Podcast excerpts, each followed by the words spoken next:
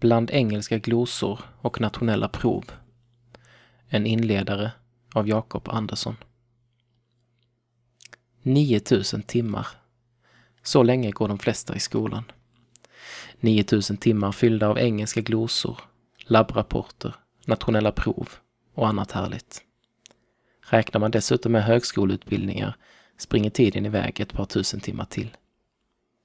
Varför är vi där? Det första svaret är självklart. För att lära oss saker.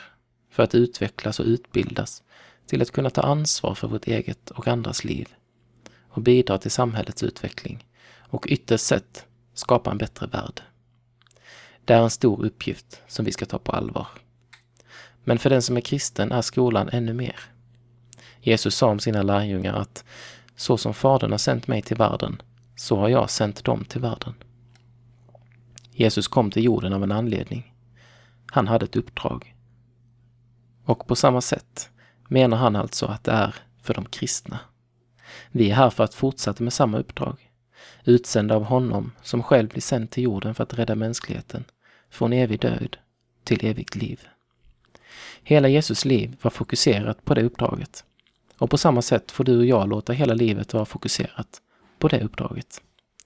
Helt plötsligt blev 9000 timmar ännu mer meningsfulla. Och att kalla dem bortkastade går ju bara inte. I skolan står framtidens företagsledare, massmördare, statsminister, idrottsstjärna och musikidol i samma kö i matsalen. Också alla vi andra vanliga. Alla skriver samma nationella prov, pluggar samma engelska glosor, sliter med samma labbrapporter och hänger i samma korridorer. Här finns alla. Och här finns de kristna, med uppdraget att sprida ljuset från Jesus. Vilken möjlighet att förvandla Sverige. Faktum är att majoriteten av de som blir kristna blir det under sin skol och studietid. Vilket viktigt uppdrag du har på din skola. Bön. Här är jag. Sänd mig.